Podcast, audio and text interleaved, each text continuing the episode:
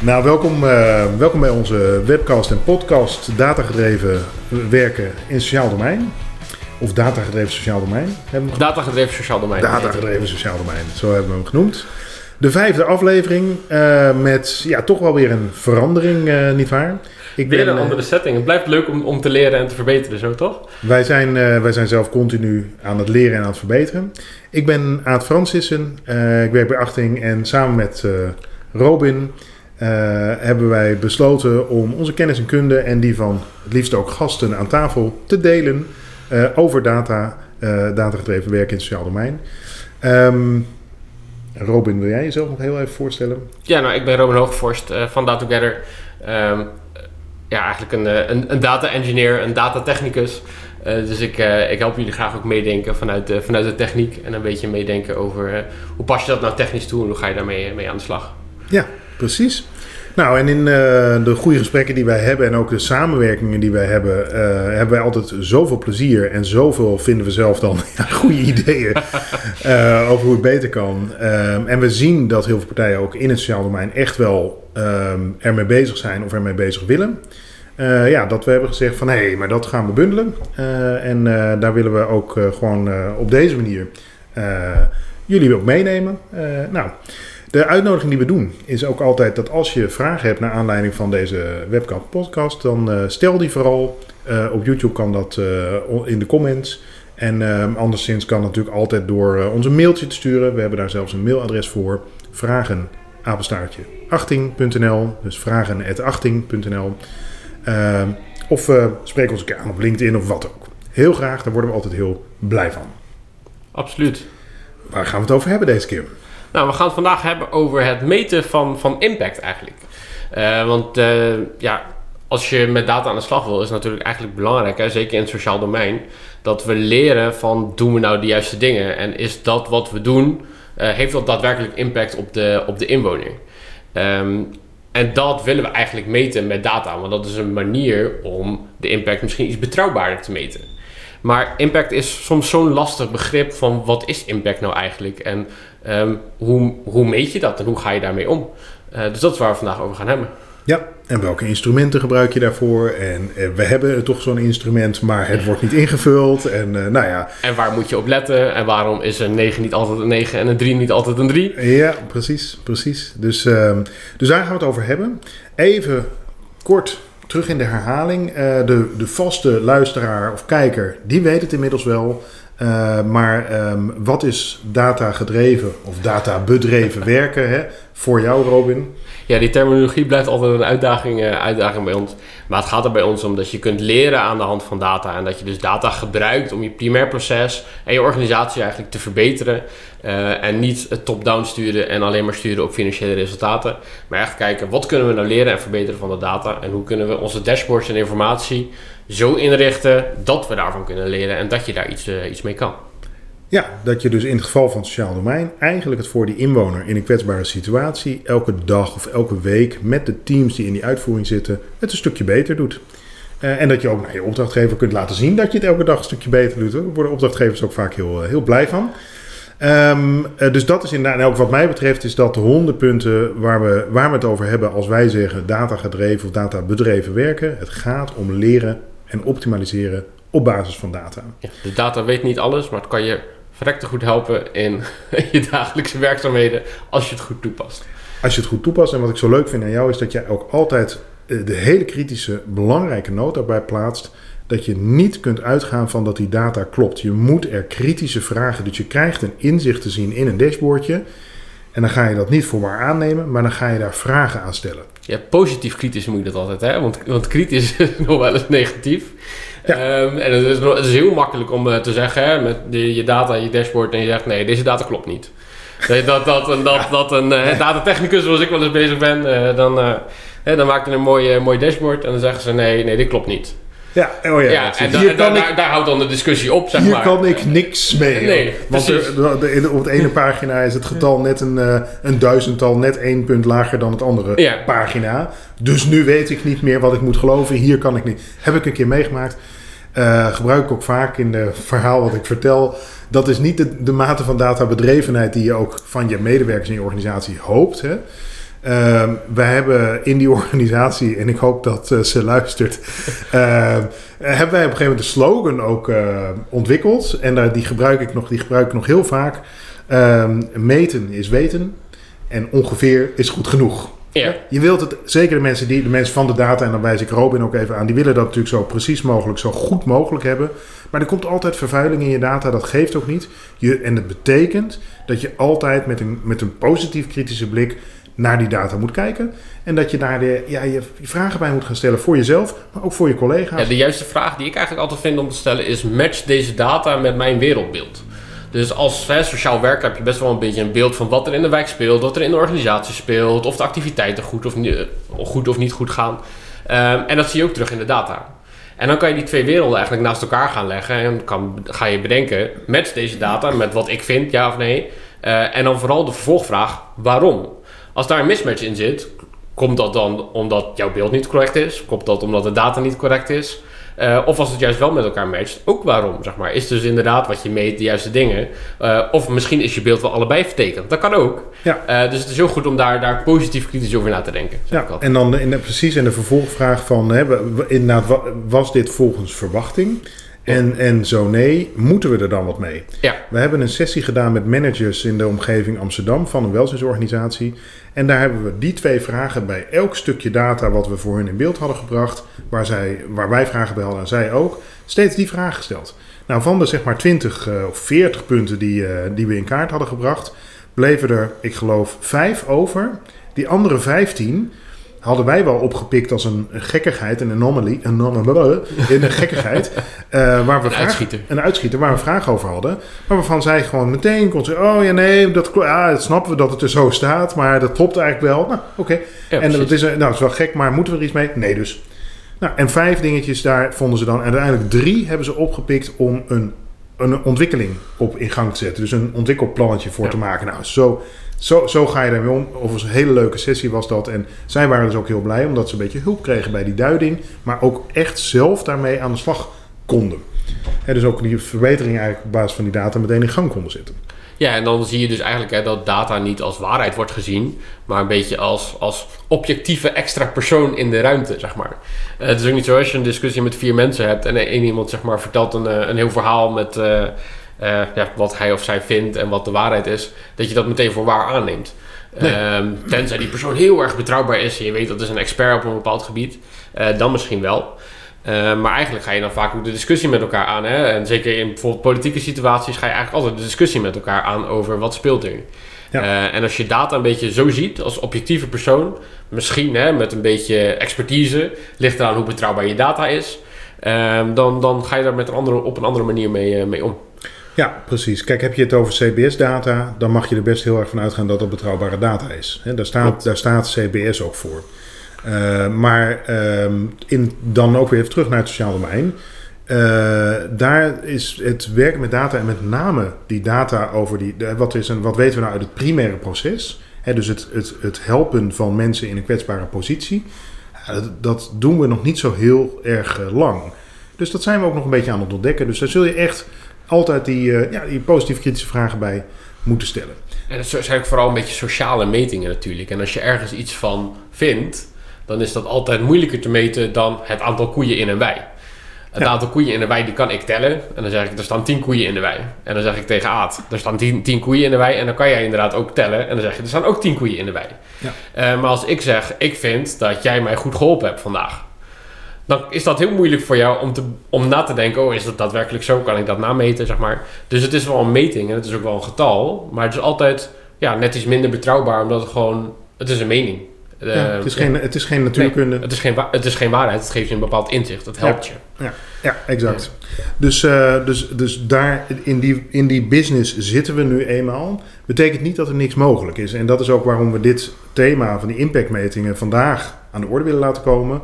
Omdat wij dat zien als een, eigenlijk een onmisbaar schakel op het moment dat je wil kunnen leren. Ja. Dus ook dan weer eventjes uh, terug op uh, waar we het eerder al een keertje over hebben gehad. Wij spreken, als we het over data in het sociaal domein hebben, spreken we heel erg over dat uh, klantproces in data. Dus hoe komen klanten eigenlijk, nee, waar wonen klanten, cliënten, inwoners, hè, in een wijk, in een buurt?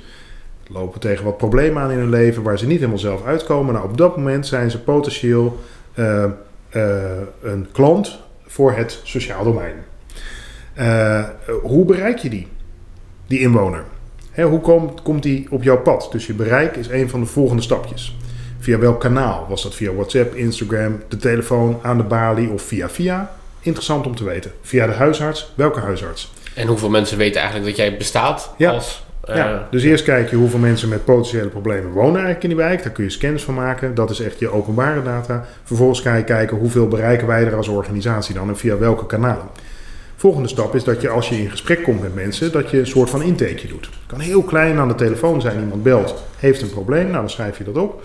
Kan ook uitgebreider met een echt intakegesprek, wat je bij heel veel organisaties ziet als er een formeel traject gaat starten. Begint altijd met een intake tot en met we gaan eh, drie maanden op een boot zitten om eens een goede diagnose te stellen. Want dat gebeurt ook. En gewoon om Ja. te diagnosticeren, wat is er met deze persoon aan de hand. Dus allemaal de intakefase om vast te stellen, wat is er aan de hand? Om te kijken, hoe kunnen we jou en ook wie kan jou het beste verder helpen.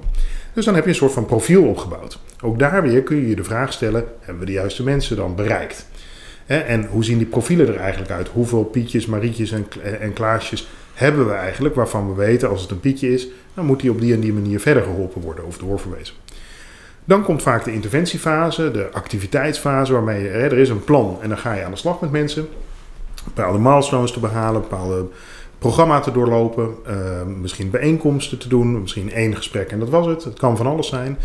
Nou, in die fase leg je ook van alles vast. Hè, van wanneer begin je, wanneer stop je, hoeveel bijeenkomsten gaat het om, eh, hoeveel tijd eh, spenderen we eraan. Bijvoorbeeld zou je in kaart kunnen brengen, wat zijn de onderwerpen waarmee je met mensen in de weer gaat. Is dat schuld, is dat eh, eenzaamheid? Nou, zo kan van alles zijn. En vervolgens is er een uitstroomfase. En tegen die tijd wil je bij mensen die je geholpen hebt ook een keer gevraagd hebben: hey, je bent bij ons in de activiteit geweest. Welk verschil heeft dat gemaakt op jouw kwaliteit van leven? En dat is wat wij noemen de impactmeting. Dus in het hele zwikje van klantproces van iemand woont ergens tot en met we gaan hem helpen en hij stroomt weer uit, heb je ergens richting dat einde heb je een goede impactmeting en dat geeft jou informatie over hebben we ook bereikt waar men op had gehoopt. En waarom is voor jou die impactmeting zo, zo van belang? Het is je klantreview. Dus het is je, wat heel veel organisaties gebruiken inmiddels, eh, van die review-instrumenten. Als je ergens bij een restaurant bent geweest, word je meteen de dag erna gevraagd van, goh, wat vond u ervan? Eh, als je bij een winkeltje wat hebt geshopt, huppakee, eh vragenlijstje. Soms zit er een weekje tussen, omdat ze ook wel weten dat mensen daar niet meteen op zitten te wachten. Hè, maar van, nou, en, en die reviews, die geven andere consumenten weer inzicht in van, moet ik hier nu wel of niet eh, wat bestellen? Ga ik echt krijgen waar, waar ik op had gehoopt? Ja. En, en dat geven dus jouw werkers, jouw, eh, jouw vrijwilligers en jouw professionals gewoon het inzicht van ja, we doen wel van alles, maar doen we ook dan de juiste zaken? Wat zeggen onze cliënten daarover? Ja. Dat eigenlijk. Als je dat niet hebt, dan mis je toch een heel groot deel. Dan kun je zelf vinden dat je het heel goed doet. En dan kun je onder je professionals en je vrijwilligers ook wel vragen over stellen. Van hoe vind je eigenlijk dat je het doet? Nou, ik vind dat ik het heel goed doe. Eh, Of niet, ik vind dat ik het nog niet goed kun mensen kunnen daar ook heel zelfkritisch over zijn. Maar je mist gewoon die onafhankelijke cliënt eh, ja, review eigenlijk. Die, die impact. Ja. Ja, maar dat is natuurlijk wel heel belangrijk dan hoe je zo'n impactmeting doet. Want hè, als je bij, bij een e-commerce shop wel eens iets, eh, iets koopt, dan krijg je een vraagje en dan moet je scoren van, van, 0 tot 10, eh, van 0 tot 10 sterren. En soms als het heel erg goed is of heel erg slecht, dan denk ik, ja, ik geef wel een keer een beoordeling. Maar ik geef lang niet altijd eh, wel een beoordeling, zeg maar, als het een beetje oké is of zo, zeg maar. Dan geef jij hem niet. Ja. Nee, maar ik kan me ook wel voorstellen dat lang niet alle cliënten daar, daarop zitten te wachten om daar, om daar een review op, eh, op te geven. Eh, Ja. Hoe kijk jij daar tegenaan? Ja, één is, de, ik denk het belangrijkste is dat je heel erg goed realiseert dat dit, het meten van impact, dat je dat dus inzet om van te leren. Ja. Dat is een heel belangrijk. Want er wordt echt wel wat gemeten, ook in het sociaal domein. In heel veel van die werkmethodes zit al, wordt al begonnen met het stellen van een paar vragen. Ja. Maar dat is dan onderdeel van de interventie.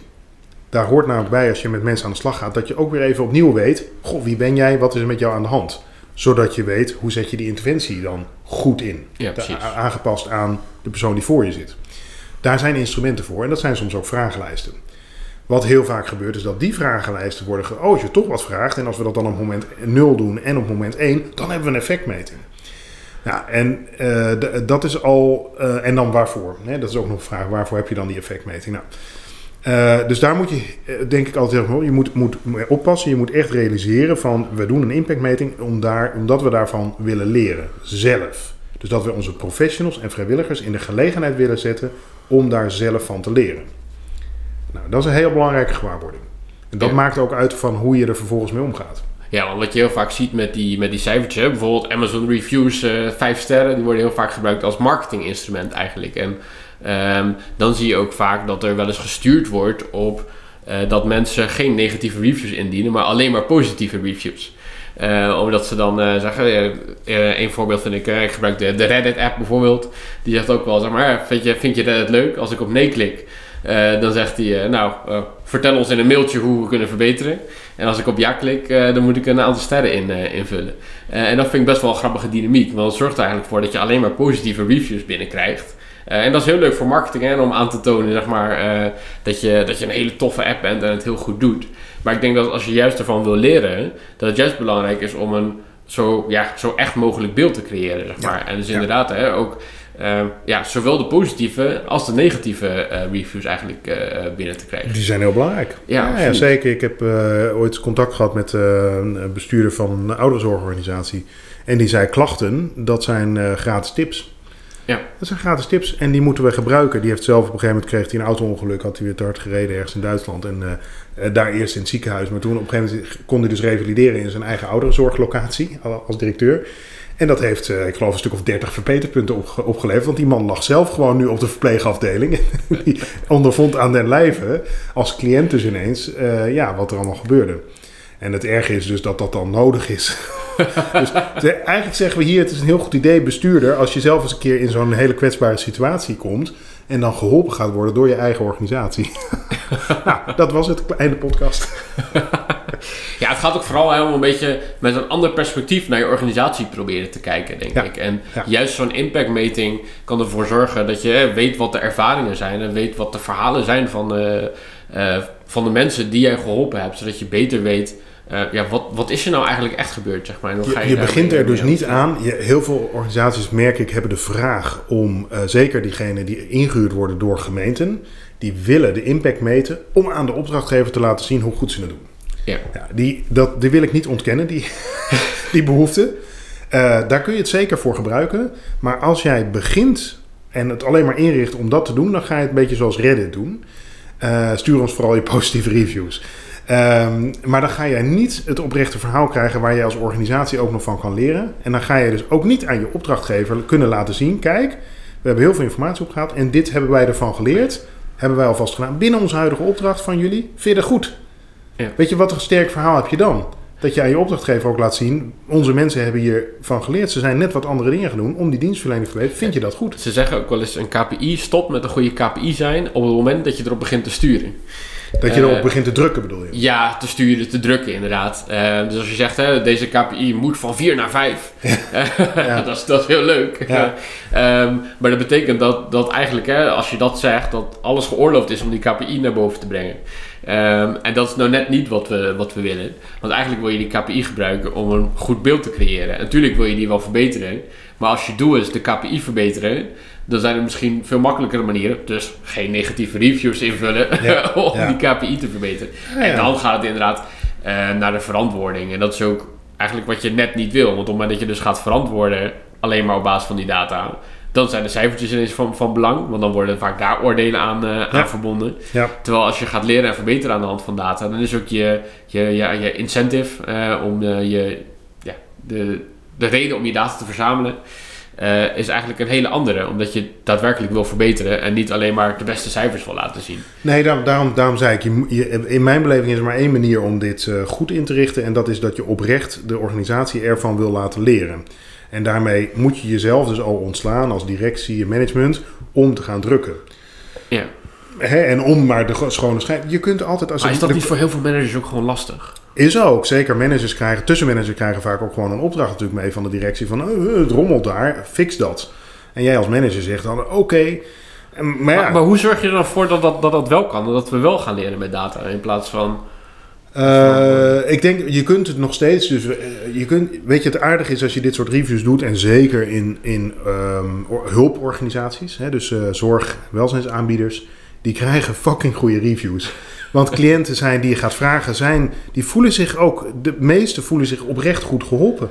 Ja. En, maar ook soms zitten er op bepaalde effecten. Je kunt dus kijken naar op welke effecten wil ik dan wat terug horen. Hè, van wat zijn typische effecten in de kwaliteit van leven van mensen. En hebben wij daar aan de, in deze dienstverlening ook een bijdrage in geleverd? Nou, dan zou je dat moeten vragen. Heb je er geen bijdrage geleverd, moet je ook afvragen of je dat dan moet vragen. Maar dan, soms kan het niet anders. Hè? Dan heb je een vragensetje waarin er één of twee vragen zijn die net niet helemaal passen bij, bij de dienstverlening die je hebt geleverd en die je ook wil leveren. Dan zul je daar lagere scores op krijgen, want mensen hebben dat gewoon niet kunnen ervaren. Nee. Dat is dus ook niet erg, want dat weet je dan. Dus dat, die vraag stel ik ook altijd aan de, als we dat soort resultaten hebben. wat jij ook al zei, herkennen jullie, professionals, Match dit beeld? verwachting, inderdaad. Herkennen jullie dit beeld? En dan oh nou, maar dat is toch wel heel laag. Of ja, eigenlijk heel vaak niet, niet, niet van toepassing ingevuld. Maar is dat ook iets wat jullie vanuit de dienstverlening zouden moeten doen? Zou, is dat iets wat die cliënt had moeten uh, kunnen ervaren dan? Uh, nee, helemaal niet. Oké, nou, die, vraag doet eigenlijk niet mee. Hij staat er wel tussen, maar je mag hem gewoon negeren. Of, ja, ze hadden het niet kunnen ervaren, want we hebben het niet gedaan. Maar eigenlijk zouden we het wel moeten doen. Aha. En dan, maar ik kom er gewoon niet aan toe. Weet je, ik kom er niet aan toe.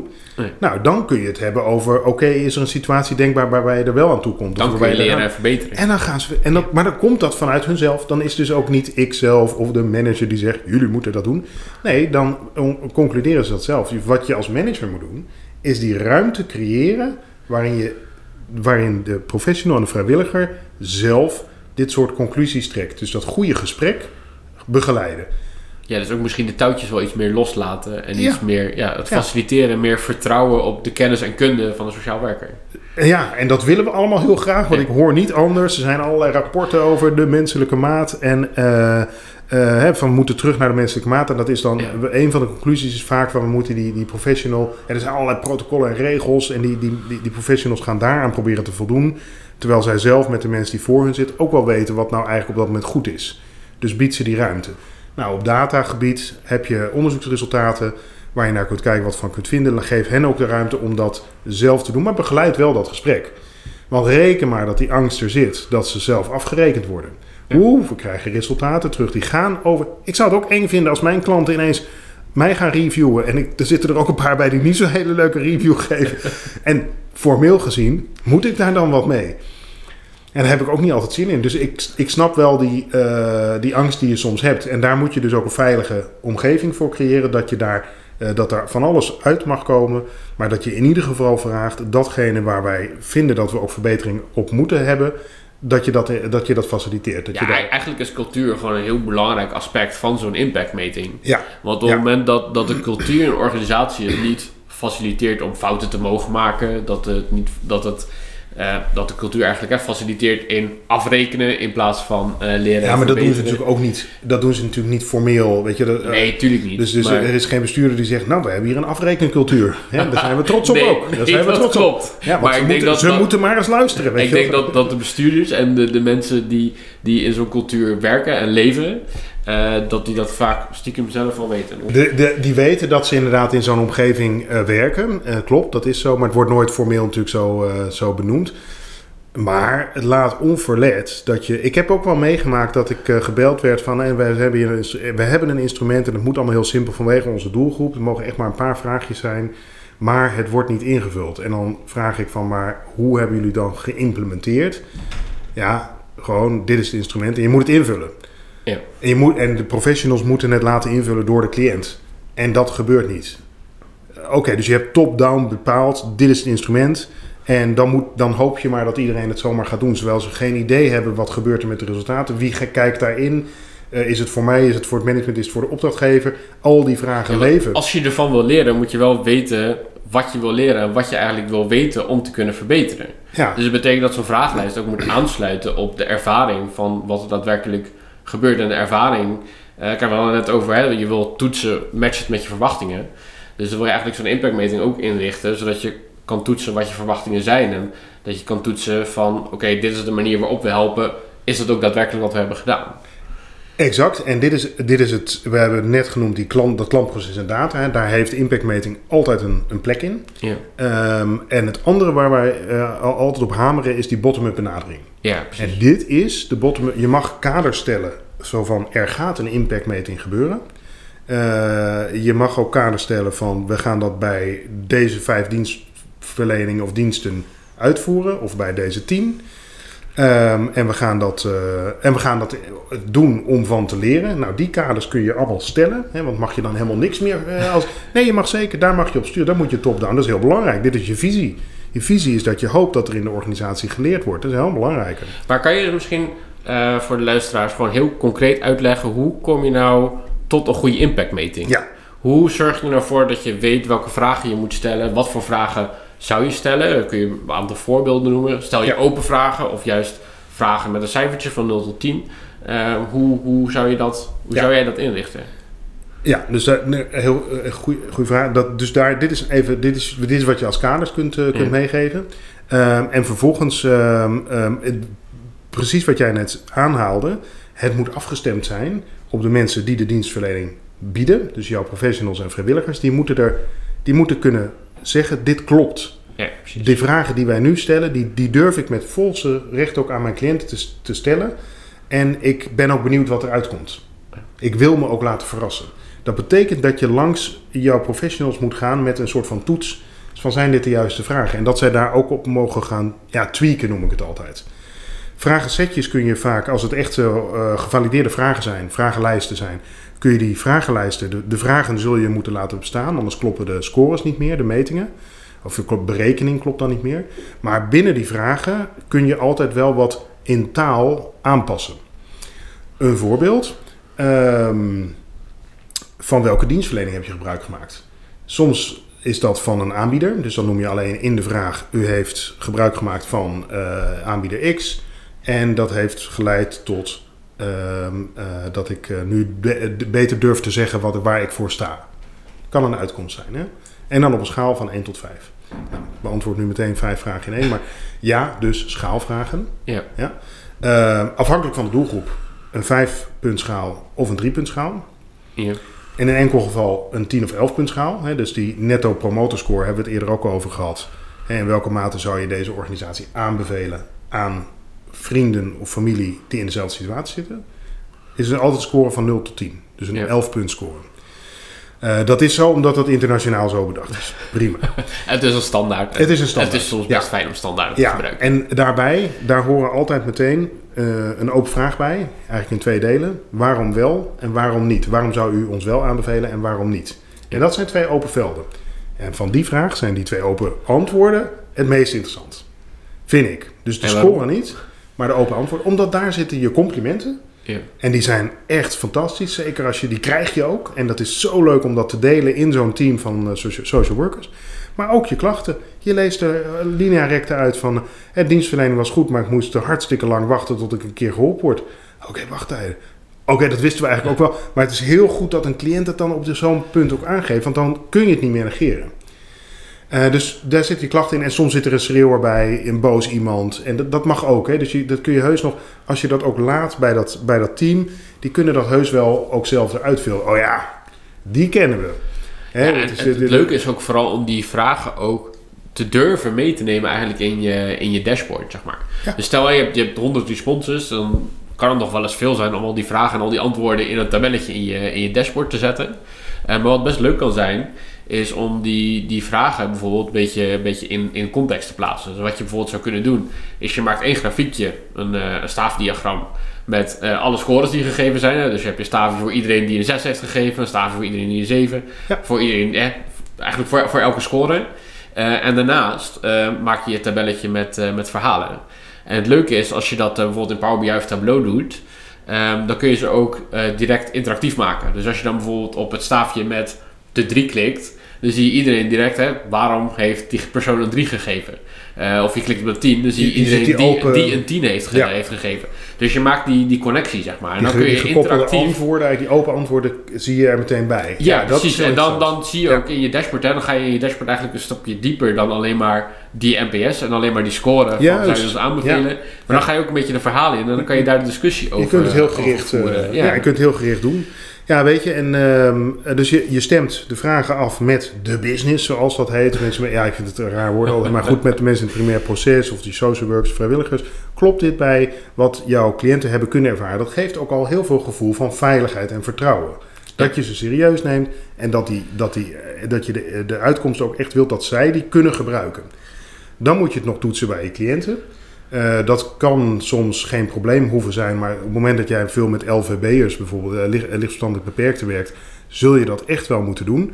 Want je wilt wel dat zij de vragen snappen. Ja. Het begrijpen van de vragen is heel belangrijk. Als mensen de vraag niet begrijpen, eh, vullen ze of zomaar wat in of ze haken af. Ja, dat wou je niet, want je wilde oprecht. En zij willen ook oprecht eh, het kunnen invullen. Nou, bij heel veel doelgroepen is dat niet zo'n probleem, maar bij sommigen wel. Moet je ze dan vertalen in de taal waarin je met mensen spreekt? Ja, dat, die, dat laat ik altijd een beetje aan de organisatie. Want in vertalen zit heel veel werk. En ik vind, we wonen in Nederland en je kunt altijd ook verwachten dat mensen iets van Nederlands begrijpen. Of een buddy erbij organiseren die het dan voor ze vertaalt. Ja, eigenlijk vind je ook gewoon vooral dat de impactmeting aan moet sluiten op de cliënt. En dat je, dat, dat je De cliënt moet het snappen, moet het Ja, begrijpen. precies, ja, precies. Ja, ja, maar het zijn wel de vragen die jij wilt stellen aan ze. Ja. En het, heel, het allerbelangrijkste is dat je dus vragen gebruikt die slaan op jouw dienstverlening, op datgene wat mensen hebben kunnen ervaren. Ja. Dus niet alleen maar op hoe zit jouw kwaliteit van leven in elkaar. Hè, dus de zelfredzaamheidsmatrix is een heel groot, veelgebruikt instrument. Is geen goed effectinstrument. Nee, je wil, je wil vooral het effect van de dienstverlening meten. Yes. En het effect van wat jij als organisatie, als, sociaal werker, Bijdraagt. bijdraagt en hebt toegevoegd. Zeg maar. Dus daar moet je specifiek naar vragen. Dus alleen vragen naar hoe zit jouw kwaliteit van leven nu in elkaar en over zes maanden. Ja, Ja. dat zegt dus niks over de dienstverlening. Nee, Want precies. ja, er kan zoveel in de tussentijd gebeurd zijn. Ik noem even een corona-situatie. Hoezeer is de kwaliteit van leven van mensen in die periode omlaag gegaan? En ga je jezelf als organisatie daar dan op afrekenen? Ja, want bijvoorbeeld, hè, als ik, kan eh, s ochtends meten hoe warm het in, in mijn huis is en ik kan 's middags meten hoe warm het in mijn huis is. Maar hoe warm het is kan verschillende oorzaken hebben. Want het kan, of hè, kan de thermostaat heel hoog hebben gedraaid. eh, of eh, de thermostaat is kapot, dat kan ook. Ja. Of het is gewoon heel warm buiten.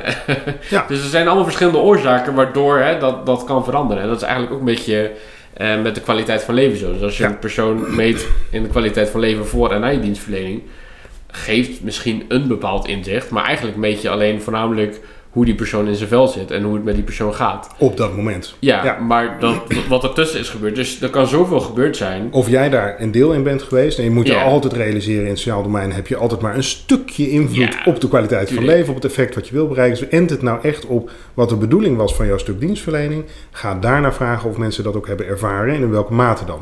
Dat geeft je de informatie waar je in ieder geval zelf verder mee kan. En ik geef je op een briefje waar je echt ook mee kan shinen richting opdrachtgevers. En dat shinen wordt in mijn beleving alleen maar groter. Ik hoor toeters. Eh, dat shinen wordt alleen maar groter op het moment dat jij ook aan je opdrachtgevers kunt laten zien: hé, hey, we hebben gemeten, we weten eigenlijk al heel veel en we hebben ook al meteen wat stappen gezet. Hoe gaaf is dat?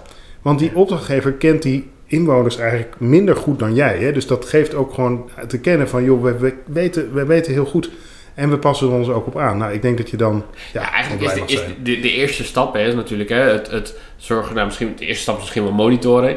Eh, de tweede stap is dan misschien leren en verbeteren. Hè. Dus zorg ervoor Ja. dat je inzicht hebt, zodat je weet dat je kan leren en verbeteren. Ehm, maar volgende stap is misschien ook wel hè, de, de kennis die je eigenlijk opdoet. Want hè, je, als je wil leren, dan doe je eigenlijk kennis op, zodat je kan leren, zodat je weet wat er speelt, zodat je weet ja, wat eigenlijk beter werkt en wat er ook vooral niet goed werkt. Ja. Eh, en het is juist ook interessant om die kennis te delen met de opdrachtgever. Ja. Eh, en dan ga je misschien wel een stapje verder dan verantwoorden. Dan ga je ook zeggen, hè, wij, wij als welzijnswerker zijn de expert voor het welzijnswerk in de gemeente, in de wijk, In, in, die de, wijk. in de buurt. In die wijk. Ja, en als je Ja. dat kan communiceren en je kan ook laten zien wat er speelt, je kan uitleggen wat er speelt, je kan uitleggen wat je doet om hè, daar, daar beter op in te spelen. Ja. Eh, en dan krijg je een veel interessanter gesprek ook met je opdrachtgever. Zeker. Eh. het ontslaat die opdrachtgever. Wat, wat nog wel eens gebeurt in gemeentes, het wisselt enorm. Hè. Dit is echt, eh, er geen enkele gemeente is hier hetzelfde in. Maar er zijn gemeenten die gaan gewoon echt op die stoel van die welzijnswerker zitten. Die gaan heel erg in de opdracht al bepalen hoeveel mensen ze moeten, geholpen moeten hebben. En welk verschil dat moet maken op welke vragenlijst. Maar die gaan dat heel erg, hè, die, die zitten eigenlijk al te drukken. En dan moet komt er een accountant langs om het allemaal te controleren of je dat ook nog hebt gedaan. Nou, Ja. en niemand die er meer wat van leert. Iedereen is druk met de controle en de monitoring en ze hebben het niet in de gaten. Er zijn ook gemeenten die het juist veel meer openlaten. Die zeggen van hé, hey, wij weten dat er mensen zijn die hulp nodig hebben. Jullie krijgen de opdracht om die mensen te vinden en te helpen. En laat dan aan, aan, aan, aan het einde van het jaar maar eens zien wat daarvan Ja. waargemaakt is. En met z'n allen zijn we een beetje op zoek naar, naar eigenlijk dit. Hè? Dus zijn dat dan tellingen van hoeveel mensen heb je dan gevonden in welke doelgroep? En hoeveel activiteiten heb je dan gedaan? En hoeveel minuten heb je met mensen doorgebracht? Of is dat nog iets meer? Namelijk, heb je ook gevraagd aan mensen: Goh, we wilden een verschil maken, maar is dat ook een beetje gelukt? Eh, nou, dat laatste ben ik natuurlijk groot voorstander van. Eh, en daar, daar hebben we het nu over. Dus we hebben eigenlijk al benoemd: eh, eh, visie leren. eh, biedt professionals, vrijwilligers de kans ook om daar dus ook in bij te dragen, zodat het klopt wat er uitgevraagd wordt in hun beleving. Toets het bij cliënten zodat ze het begrijpen. En nou, start dan met meten. Doe, laat de interpretatie ook daar waar, het, waar er geleerd moet worden. Ja, Weer bij die professionals, vrijwilligers. Begeleid dat op een goede manier. Dus ga niet lopen drukken, maar bied ze de gelegenheid ook. En dat is heel belangrijk. Ja, we hebben wel een beetje een informatiebommetje gedropt. Of, Het of denk je dat mensen het nog wel kunnen volgen? Zo. Ik hoop het. Ik weet, ik denk, ja, dat is een goede vraag altijd. Ja, jemig. Ja, ja, ja, het is wel een ja, dat is, ik vind het altijd vrij makkelijk. Dit, zo Ja. moet je het doen. Maar ik, tegelijk, als ik het dan wat meer in detail ga toelichten, waar we hier in de podcast, vind ik toch ook wel de ruimte voor hebben. Ja, Eh, dan, ja, dan is het toch best, een, eh, best, een, best, best veel. Ehm, ja, en dat, maar dat, het komt ook omdat ik denk, ja, maar jij, oh, jij ziet dat ook. Er zijn zoveel voorbeelden waar het gewoon. eh, oh, we moeten een meting doen. dat moest nog. Bijvoorbeeld van het moet van het kwaliteitsinstrument. Hè? Ja. Dus eh, we doen aan eh, HKZ. Ja. En daar staat in dat we een mee. Nou, oké. Maar En dan wordt hij dus top-down, vlam. En dan, dan krijg je geen respons. Of ja, we doen wel een meting, maar er gebeurt en we doen het eigenlijk alleen maar. Dus er zijn zoveel weggetjes, zoveel afslagen die er onbedoeld genomen kunnen worden, waarmee je eigenlijk Ja, niet dus- krijgt wat je wil krijgen. Doe je een impactmeting om, om een ventje te halen, Ja. om, om te, omdat het moet? Of Ja. doe je een impactmeting om daadwerkelijk te leren en te verbeteren? Ja, en voor dat tweede is eigenlijk wat je wil, hè? maar dat betekent ook wel dat gewoon... Ja, de cultuur moet er echt in faciliteren. En daar moet je Je- de je ruimte voor hebben in de organisatie. Kijk, weet je, als jij directeur bedrijfsvoering bent of eh, verantwoordelijk voor de controlprocessen in je organisatie, dan doe je dit misschien ook gewoon omdat je weet dat je het vinkje moet halen. Ja. Want jij zit niet zo in die inhoud, in dat sociaal domein, in die, in die werkprocessen, met die mensen thuis. Daar zit je gewoon niet, ook niet met je hoofd niet. Dus prima als je het doet omdat je weet dat het vinkje gehaald moet worden. Maar weet dan dat, er, eh, dat je als je die opdracht op die manier wegzet, dat je gewoon bagger krijgt. En als jij, eh, dat, als jij oprecht dan dat vinkje wil halen met, vanwege de bedoeling, want ook in HKZ heeft het een bedoeling, Absoluut. namelijk dat je ervan gaat leren, Ja. weet dan ook dat je deze context meegeeft bij die opdracht. Ja, het is vooral belangrijk inderdaad dat je op, de, op de bedoeling en dat je de, de reden niet vergeet, zeg maar. Want een impactmeting eh, uit de context halen en uit de context van leren en verbeteren halen, eh, is eigenlijk een impactmeting gebaseerd op niet, zeg maar. Is een En doods, dan- is gewoon laten we gewoon verklaren. Ja, en dan, dan, kost het, dan kost het voornamelijk tijd. Hè, wat je Tijd, vaak hoort. hè, Die geld. metingen kosten tijd, geld, inderdaad. Frustratie. Ook. Want hou in de gaten, hè, die medewerkers hebben feilloos in de gaten. Er wordt, gebeurt nu iets wat over mijn hoofd wordt ingericht, wat over mijn werk gaat. Die gaan gewoon de kont tegen de kip gooien. Ja. En je gaat frustratie krijgen. Dus eh, als het niet op. Ik heb zelfs een keer gehoord eh, dat het. dat de metingen op de cliënt, dus cliëntreview eigenlijk, dat het terugkwam in het functioneringsgesprek. Wauw. Ik maakte die grap altijd. Dan zaten we aan tafel en dan, oh, wat gebeurt ermee? En dan zeg ik, nou, het is om voor jullie zelf van te leren, maar voor jou gaan we het, komt het terug in het, eh, alsof ik daar iets over kon zeggen. Natuurlijk, nou, ha, ha, ha. Even de, de Maar- kou uit. Maar dat gebeurt dus echt. Maar even voor de duidelijkheid, waarom is dat zo'n slecht idee? In het functioneringsgesprek? Ehm, omdat een functioneringsgesprek toch vaak als een soort van beoordeling eh, Ja. is. Ja, ik heb al heel functioneringsgesprekken meer gehad of gevoerd. Ik, ik, ik geloof er niet zo in. Eh, in de zin van, dat moet je eigenlijk altijd doen. Hè, zoals wij met deze podcast, webcast ook eigenlijk continu aan het leren zijn. Aan het evalueren. Ja. Eh, doen we het nou goed? Nou, het kan altijd beter. Ja, nou precies. Ja. Dus of dat je dan één, maar één keer per jaar is toch altijd best een beetje een spannend moment. Een formeel moment. En als jouw baas dan... De, de, Hangt soms ook wel eens wat geld, wat geld vanaf aan salaris en zo. ja, je kunt een stapje maken of niet. En ah, dan hebben we klantreviews die zeggen... nou, dit is toch een 3,4 in plaats van... Hè, de collega's hebben een 4,1, dus jij zit op een 3,4. Hoe ga jij naar een 4,1 komen? Ik zie het nu al voor me. Ja, dat is toch vreselijk. Eigenlijk moet die baas dan vragen... je hebt een 3,1, waarom is het geen 1? En dan ga je, gaat jouw medewerker gaat uitleggen waar, wat er goed gaat. En dan zeg je baas... en dat wil ik graag meer van je zien. En dan wordt er vanzelf een 4,1 of een 4,5. Maar dat vergeten mensen ook weer. Dat je dus als je En schaalvragen eigenlijk, stelt... eigenlijk is het ook weer, gebruik je het om te leren en te verbeteren. En gebruik je het om te kijken wat er goed gaat en wat nog beter kan. Ja, Of gebruik je het om te beoordelen ja. en, te verantwoorden. En dat is met een En- functioneringsgesprek toch. Daar zit een soort van beoordeling aan. Je mag overigens weten heel goed hè, dat het een tweeweggesprek is. Eh, Dat heb ik ook eh, bij vorige organisaties geleerd... waar mijn leidinggevende dat destijds ook zo toepaste. Had ik nooit gerealiseerd. Maar dat is oprecht een tweeweggesprek. Hij wilde daar ook van leren. Ja. En dan ga je er heel anders in. Absoluut. Dat, eh, dus ook dat neem dat mee. Als dit je gebeurt, weet je, zeg gewoon van... oh, maar ik heb ook nog even wat over jou te melden. ja, nee, maar het is toch... Ja. En dan vraag maar eens hoe het echt zit. Nee, maar goed. Dus, ehm, eh, ja, dus impact meten. Nou, we zijn heel eind. We hebben heel veel besproken inderdaad. Eh, zijn we er nu? Weet ik niet zo goed. Stel ik jou voor het blok? Ja, wel een beetje. Nee, nou, waarom vraag ik dat aan jou? Ehm we, hebben het, we hebben het hier vaker over gehad. En Ja. eh, dit is mijn eh, blik op de werkelijkheid. Eh, maar toen ik met jou sprak, toen zei jij, nou, wij hebben ook nog wel ideeën. En die zijn gewoon weer anders. En, daar, en dat is leuk, want dan daag ja, het is voor mij ook wel een beetje, een beetje ter sprake gekomen inderdaad. Ja, Maar wij, wij, wij vinden het voornamelijk ook belangrijk om eh, de verbinding te leggen tussen eigenlijk de harde data en de warme data, zoals we dat noemen. Ehm, en dat is eigenlijk waar we net ook over hadden. Dat je dus een, een uitlegvraag stelt over die, over die NPS. En dat je dus zegt, hey, je geeft de score. Maar eigenlijk ook een waarom wel en waarom niet. Eh, maar je zou ook kunnen nadenken om dat een keer om te draaien. En dan ga je nadenken over, ja, wat wil deze cliënt eigenlijk over ons vertellen? We zijn nu, stel dat je bijvoorbeeld drie maanden met zo'n cliënt in, eh, in gesprek bent. Je kan ook een keer de open vraag stellen, wat vind je eigenlijk van ons? Ja. Eh, en dan ga je iets, iets, iets verder af van die, van die impactmeting misschien.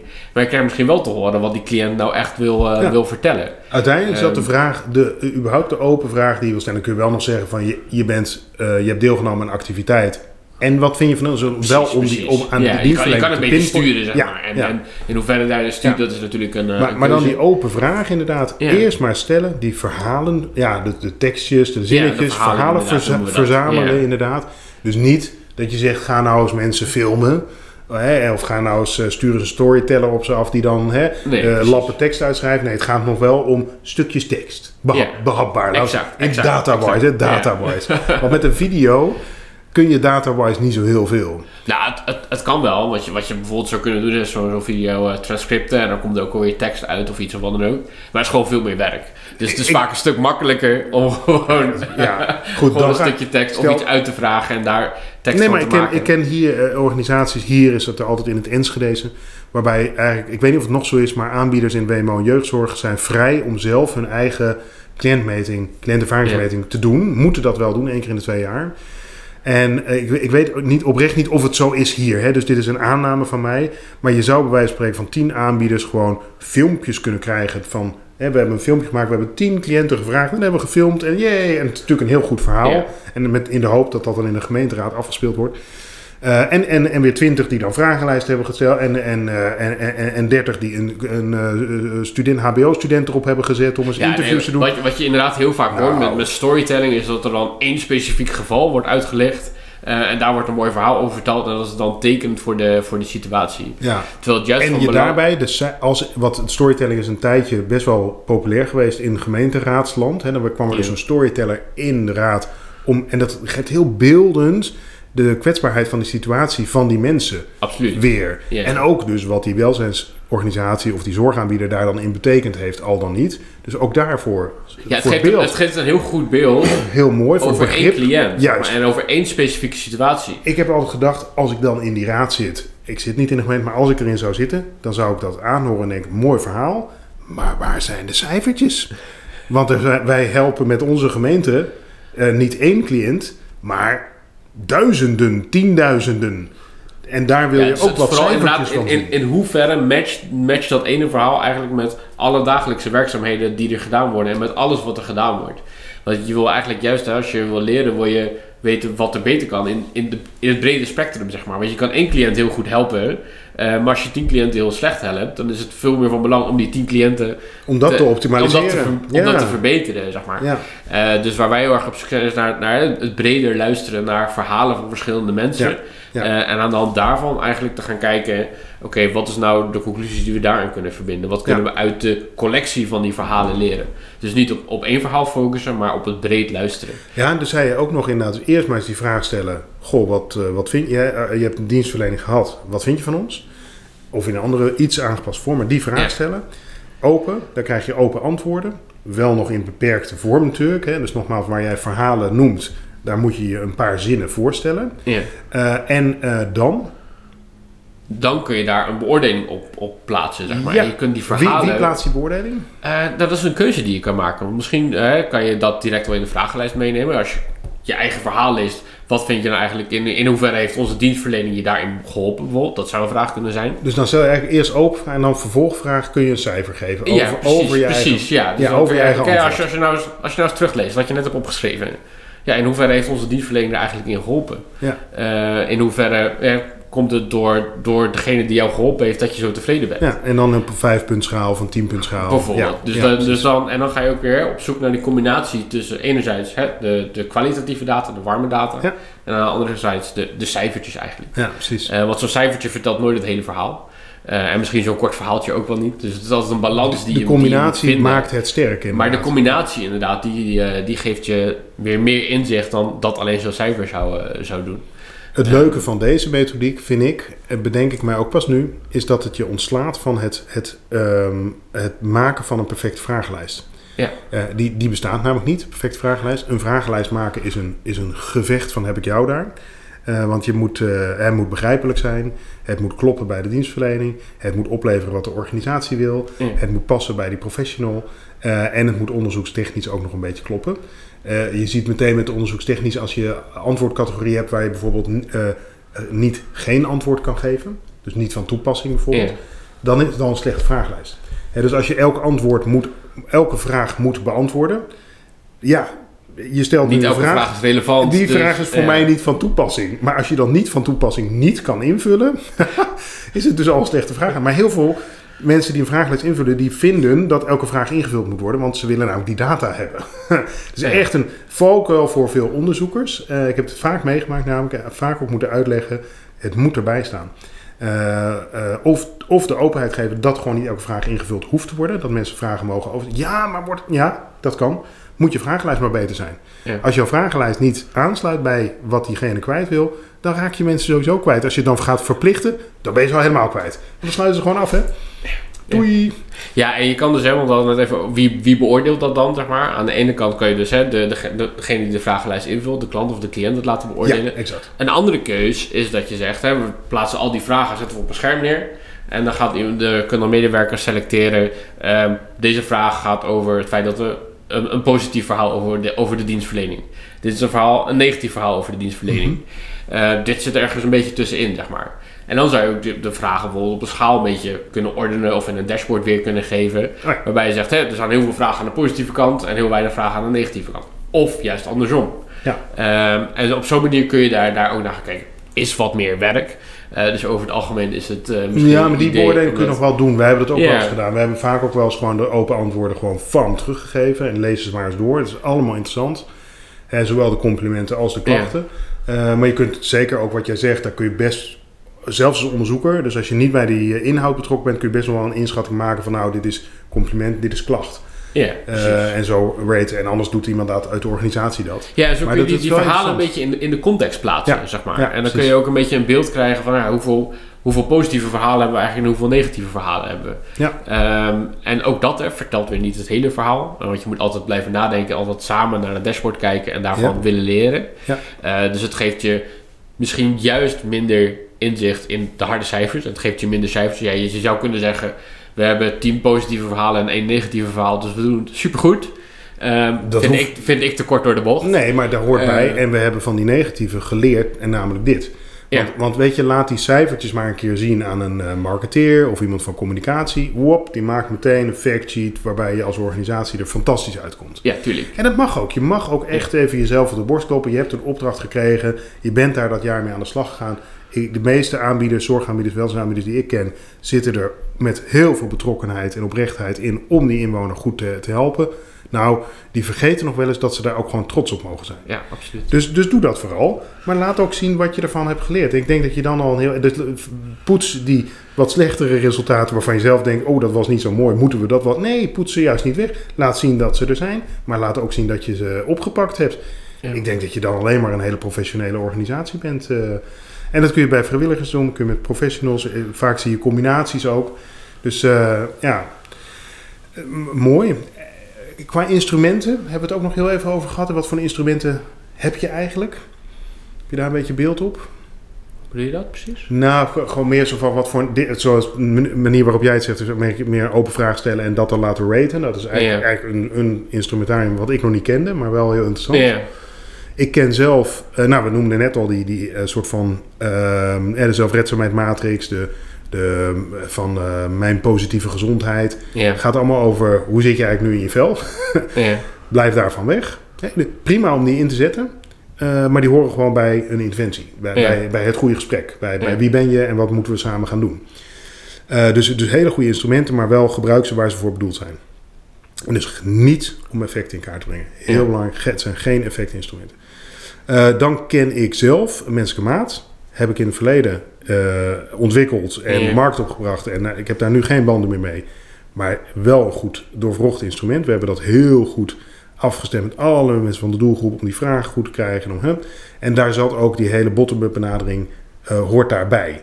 Bestaat ook nog steeds. Er zijn, de organisatie die dat uitvoert is er ook nog steeds menselijke maat. Dan kom je bij, bij Insight Zorg terecht. Ehm, en die doen dat op deze manier. Dus dat vind ik, het is gewoon een hele dikke aanrader. Ga- daar eens naar kijken of dat wat voor je, voor je is. Eh, overigens wel grappig, bij eh, een van eh, mijn klanten stapte de kwaliteitsmanager of kwaliteitsmedewerker. die ging weg en die gaat naar een andere organisatie. waarvan ik wist dat ze. in het begin heb ik daar met menselijke maat heb ik daar geïntroduceerd. En ik zeg: Goh, ik ken die organisatie goed. Gebruiken ze nog menselijke maat? Ja.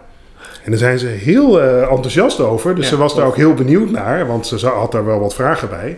Maar eh, ik vond het heel leuk dat die club dus dat nog steeds gebruikt en dat ze daar dus enthousiast over zijn. Nou, dat is menselijke maat. En we hebben bij eh, een van onze klanten kwamen we de Social Impact Meter tegen. En ook Ja. daar, het is weer anders van aard. Dan heb je 13 effecten, die is trouwens specifiek voor het welzijnswerk. 13 eh, effecten die ze beschreven hebben, die je met het welzijnswerk zou kunnen mogelijk behalen. Afhankelijk van welke dienst je levert. Ja, en, dan, eh, en daar zit dus heel erg die relatie ook in met... Goh, je hebt van een dienst gebruik gemaakt. En we zijn benieuwd in welke mate dat effect het bij jou eh, be- behaald heeft. Ja. Dus ook weer die schaalvragen en die directe vraag naar... gekoppeld aan de activiteit of dienst waar je gebruik van hebt gemaakt. Dus eh, ook die ehm, eh, vind ik interessant. En volgens mij doet die het heel goed. Er zijn een paar organisaties die daar ook mee, mee werken. Dus dat zijn zo'n beetje de, ja, de aanbevelingen kan- die je kan doen. Ja, god, en je hebt ook nog het cliëntervaringsinstrument wat we in de WMO wordt toegepast. Eh, daar heb ik in, heel erg in het begin ook nog wel een bijdrage aan geleverd. Maar is dit ook niet een beetje was, een, eh, een die- deel heeft van een de een zoektocht? Want je, je noemt nu gigantisch veel, gigantisch veel meetinstrumenten en manieren. Eh, hoe weet je nou welk- welke je moet kiezen? Eh, er zijn ook daar weer, er is een soort van database op, ehm hoe heet die site ook weer?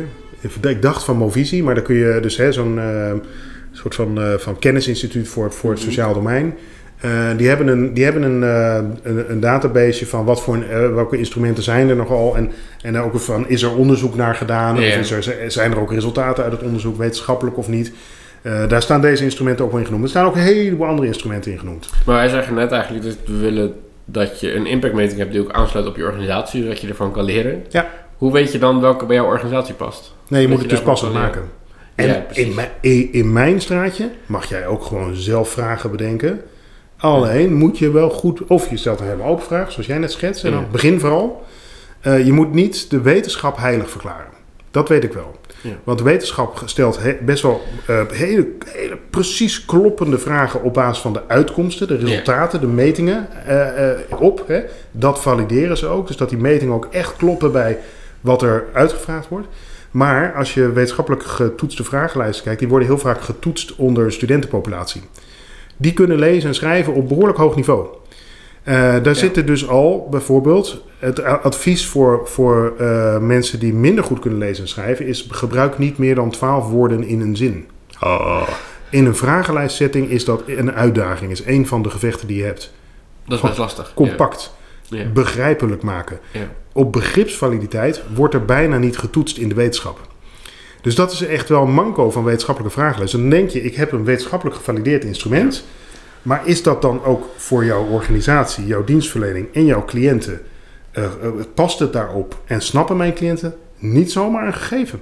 Nee. Dus beter inderdaad, bedenk je je eigen vraagjes. Eh, doe dat wel met een onderzoeker. Want ik heb ook wel gemerkt, als je de social worker de vragen laat bedenken, die gaat vragen bedenken die op in zijn individuele gevallen eh, interessant zijn.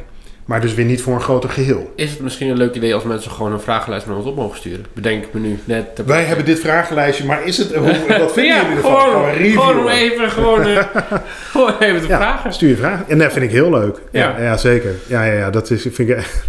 Ja, ja Dus maar- als je een keer wil weten wat wij van je vragenlijst Nou ja, vinden, stuur hem je- naar stuur je vragen. vragenlijstje op of stuur je vraag op waar wij zitten hiermee. En zoals Ja. ik net ook al zei, we hebben een instrument, maar het wordt niet ingevuld. Of we hebben een instrument, wordt ingevuld, maar, we, Ja. maar, we, maar de, de, de uitkomsten, wat moeten we daar nou eens mee? En wat zou je ons adviseren? Eh, ja, dat, ook dat soort vragen vinden we natuurlijk leuk. Ja, zeker, zeker, zeker. Ja, ja, ja. Ja, dus dit is impactmetingen. Ja, En in het klantproces in data. En ehm, ja, volgens mij op allerlei mogelijke manieren kun je daar weer ja, je voordeel bij doen. Overigens ook eventjes, we hebben het veel over de kant vanuit de aanbieders. eh, maar ook vanuit de gemeente kun jij hier je voordeel mee doen. Er worden klantervaringsonderzoeken gedaan door gemeenten, ook weer verplicht. De verplichte vragenlijst is geen mooie vragenlijst. Waarom? Die vraagt naar je ervaring van een jaar geleden. Nou moet je aan mij al niet vragen of ik een jaar geleden toen ik bij de dokter was, wat ik daar dan van vond. Laat staan van mensen die tot hier in de, in de shit zitten en dus gewoon hun hoofd er helemaal niet zo bij hebben. nee. Ehm, hè, dus niks ten nadele van die mensen in die situatie, maar dat kun je gewoon niet van ze vragen. Nou, en daarin is die vragenlijst, in ieder geval wat ik ervan weet, ik weet niet of het aangepast is, ik, maar ik is een heb beetje soms gemankeerd. moeite om te herinneren wat ik gisteren heb gegeten. Laat staan wat ik een jaar geleden. Ja, ik vraag me ook af waarom ik jou hierbij heb gevraagd. ja, nee, dat snap ik wel. ja. Nee, maar de- dus, dus daar, ik weet niet of dat inmiddels aangepast maar dat was destijds heel erg een manco van die vragenlijst. Waardoor je dus eigenlijk het moet, ze voeren het ook uit, maar je kunt er eigenlijk niks mee. Oh my god. Ehm, ook weer een mooi voorbeeld van een verkeerde afslag die genomen is. Eh, maar maar eh, je kunt ook andere vragen stellen aan je Ja. inwoners. Daar ben je vrij in als eh, gemeente. En eh, toen ik bij gemeente Den Haag werkte, hebben we dat ook gedaan. Hebben we die, een deel van de vragen menselijke maat, zoals ik ze kon reproduceren, hebben we ge- gevraagd bij de aan 400 gezinnen werd die hulp bij het huishouden krijgen, dus een soort van schoonmaakhulp. Hè. Die moesten bezocht worden om te kijken, is het huis eigenlijk wel schoon? Ook een soort van resultaat, hè? Ja. Maar die mensen die daarop dus echt gingen checken van zijn de plint schoon, die konden ook een paar vraagjes stellen. Nou, de, onderzoek, de organisatie had een paar voorbeeldvragen. En wij zeiden, oh, nou die niet. maar we hebben hier een paar vragen, wil je die stellen? Die zijn ze gaan stellen. Eh, en eh, daar kwamen dus resultaten op terug die wij zochten. Ja. En zo konden we de aanbieders op een rijtje zetten. Want daar komen, je kunt daar berekeningen op doen waarbij in mensen min of meerdere mate hebben ervaren dat dus de hulp bij het huishouden heeft bijgedragen aan hun participatie en hun zelfredzaamheid. Ja. Want daarvoor is de WMO. Stimuleren en bevorderen van zelfredzaamheid en participatie. Nou, uit die vraagjes, dat vraag je niet letterlijk zo, maar uit die vragen kun je dat wel enigszins halen. In welke mate hebben cliënten ervaren dat ze daar ook in gestimuleerd en bevorderd zijn. Eh, en dan kun je ze gaan raten. En dan is de volgende vraag, wat doe je met die rating? ja. Nou, enerzijds kun je in je contractmemanagement daar wat mee. Ja. Dus de contractmanagers die bezoeken die organisaties en die zeggen: Goh, dit gaat heel goed. Je hebt, eh, je hebt de HKZ eh, behaald, eh, helemaal goed. Maar we hebben cliëntervaringsmeting gedaan. Daar komen een paar eh, rode cijfertjes of oranje cijfertjes uit. Eh, pak dat eens op. Je krijgt drie maanden de tijd om een verbeterplannetje te maken. En over een half jaar gaan we weer meten. En dan moet het eh, omhoog gaan zijn. Dan hangt het een beetje af van je aanbestedingsafspraken. Of je ze dan ook, als ze niet verbeteren, eruit kan gooien of andere maatregelen kan nemen. En anders moet je dat in je volgende aanbesteding gaan formuleren. Je krijgt een rode kaart en als je die niet binnen drie maanden oplost, heb je geen contract meer, ik noem maar wat. En je moet wel een stok hebben met slaan soms.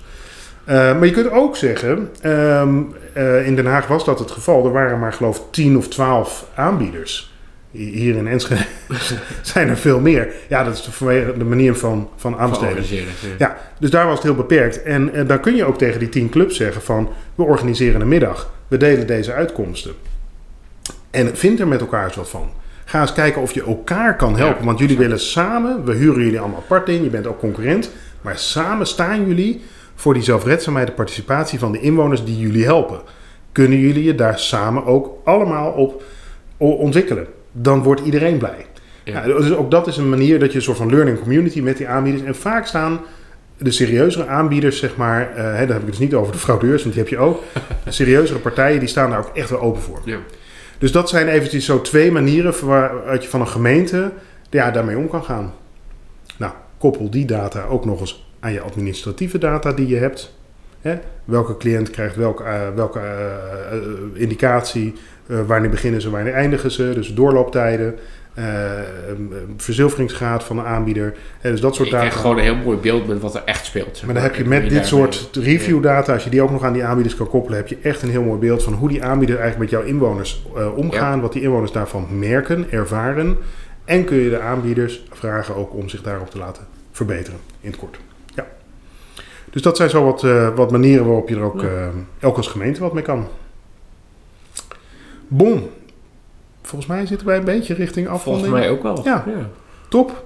Hopen we jullie uh, ja, toch een beetje geïnspireerd te hebben met impactmetingen. Hoe doe je dat nou? En wat kun je ermee? En wat zijn de, de, de afslagen die je vooral niet moet nemen? En dat zijn er helaas vele. nogmaals de uitnodiging ook. Als je met ons wat wilt delen voor een volgende keer om daar even op terug te komen, ja, dat vinden we alleen maar heel leuk. Dus graag. Als je wil dat we niet jouw naam en uh, organisatie met naam en toenaam noemen, vermeld dat er even bij. Dan doen we dat niet, dan behandelen we het maar anoniem. Um, en uh, ja, dan wensen we je een hele prettige dag en graag tot de volgende keer. Ja, nou, tot de volgende keer. Yes. Ja.